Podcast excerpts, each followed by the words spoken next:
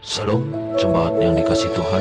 Hari ini kita kembali lagi mengikuti refleksi Gema Sebelum kita memulai mari kita bersama-sama membaca Alkitab sesuai teks dalam Gema Dan membaca Gema hari ini. Tuhan memberkati. Salam sejahtera jemaat GKY di mana pun saudara berada. Shalom.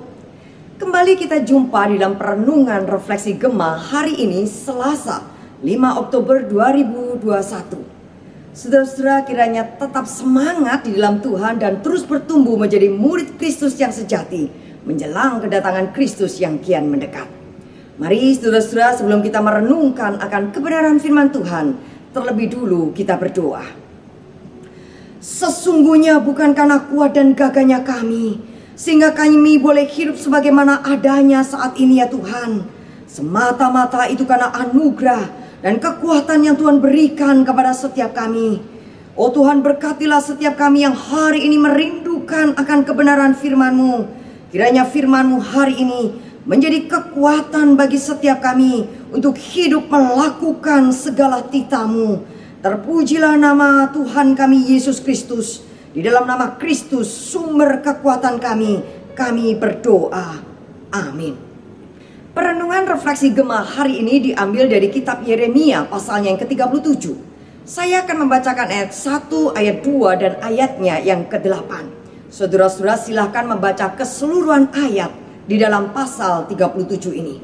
Yeremia pasalnya yang ke-37 ayat 1, ayat kedua dan ayatnya yang ke-8. Demikian firman Tuhan.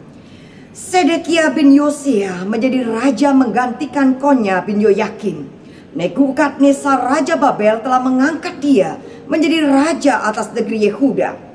Tetapi baik ia, baik pegawai-pegawainya maupun rakyat negeri itu tidak mendengarkan firman yang disampaikan Tuhan dengan perantaraan Nabi Yeremia ayat 8. Tetapi orang-orang Kasdim akan datang kembali memerangi kota ini, merebutnya dan menghanguskannya dengan api.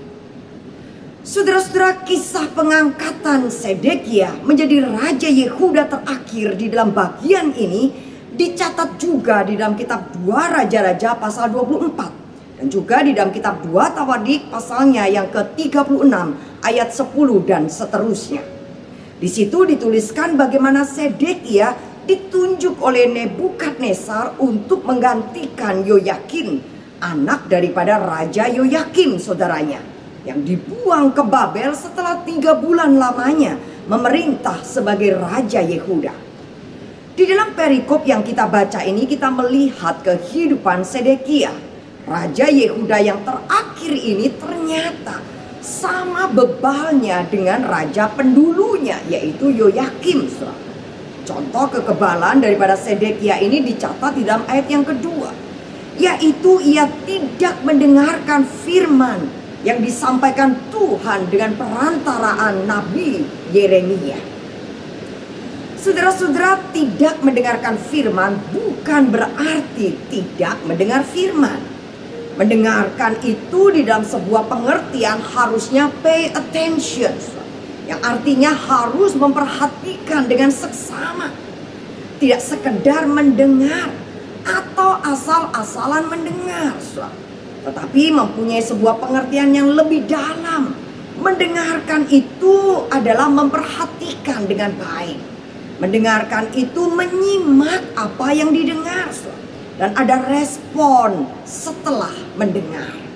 Raja Sedekia tidak mendengarkan firman yang disampaikan Tuhan melalui Nabi Yeremia. Itu menunjukkan Sedekia tidak menuruti tidak mentaati apa yang menjadi pesan Tuhan di dalam hidupnya. Ia lebih memilih hidup menurut keinginan hatinya. Memilih hidup menuruti apa yang menjadi keinginannya.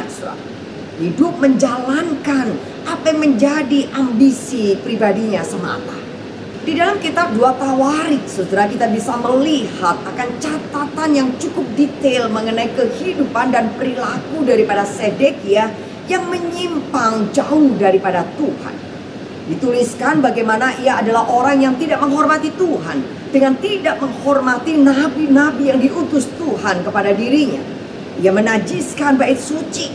Sedekia membawa bangsa Israel itu kepada penyembahan berhala. Sedekia menjadi seorang raja yang mengeraskan hati dan tidak mau bertobat dan lain sebagainya.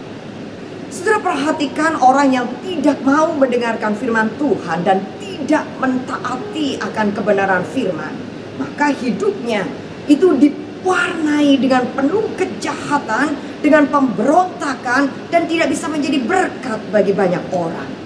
Saudara Sedekia Raja Yehuda yang terakhir ini Seharusnya sebagai seorang pemimpin, ia bisa membawa rakyat itu hidup takut, hidup berpaut kepada Tuhan. Tetapi Alkitab mencatat apa, Saudara? Ayat yang kedua, oleh karena dia tidak mendengarkan firman, maka ia juga membawa para pegawainya, membawa seluruh rakyatnya juga menjadi orang-orang yang tidak mau mendengarkan firman menjadi orang-orang yang tidak menaati firman di dalam hidupnya. Maka akhirnya Allah menjadi murka. Allah mendatangkan penghukuman baik kepada Raja Sedekia maupun juga kepada seluruh rakyat Yehuda. Saudara perhatikan betapa fatalnya orang yang tidak mau mendengarkan firman, orang yang tidak mau taat kepada firman dalam hidupnya. Bukan saja dirinya yang akan mengalami penderitaan dan keterpurukan oleh karena penghukuman Tuhan, tetapi juga orang-orang yang dipimpinnya, orang-orang yang ada di sekitarnya juga akan berhadapan dengan penghakiman dan penghukuman dari Tuhan Allah.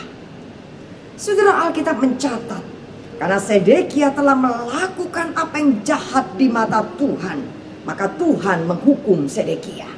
Saudara ia ditangkap, matanya dicungkil, saudara Kemudian anak-anaknya itu dibunuh di depan matanya. Dan yang tragis, kerajaan Yehuda pun itu dihancur luluhkan. Oleh karena apa? Oleh karena mereka punya telinga, tetapi tidak mau mendengarkan firman. Oleh karena mereka punya mata, tetapi tidak bisa melihat kemahakuasaan Tuhan. Mereka punya hati, tetapi hati mereka tidak berpaut kepada Tuhan. Saudara sesungguhnya episode kehidupan Sedekia ini merupakan peringatan keras bagi setiap kita orang percaya. Oleh sebab itu mari kita berdoa. Meminta kekuatan dari Tuhan. Agar kehidupan kita sebagai orang percaya adalah kehidupan yang mendengarkan firman. Kehidupan yang mentaati akan firman. Saudara mintalah kekuatan daripada Tuhan agar kita boleh dimampukan untuk hidup sebagai orang percaya.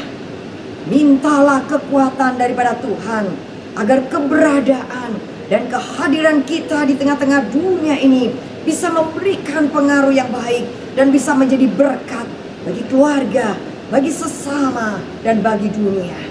Saudaraku, mintalah kekuatan dari Tuhan agar hidup kita yang singkat dalam dunia ini adalah hidup yang mempermuliakan nama Tuhan. Mari kita berdoa. Terima kasih Tuhan untuk kebenaran firman yang boleh mengingatkan setiap kami. Biarlah kami hidup ya Tuhan sepadan dan sesuai dengan kehendak daripada firman-Mu. Kami mohon kekuatan yang daripadamu ya Tuhan. Untuk boleh hidup taat mendengarkan kebenaran firman-Mu. Biarlah sepanjang perjalanan hidup kami sebagai orang percaya kami dimampukan dan dikuatkan untuk hidup mengikuti rencana dan kehendak-Mu. Dengarkan doa permohonan kami ya Allah. Di dalam nama Tuhan kami Yesus Kristus kami berdoa. Amin. Tuhan memberkati.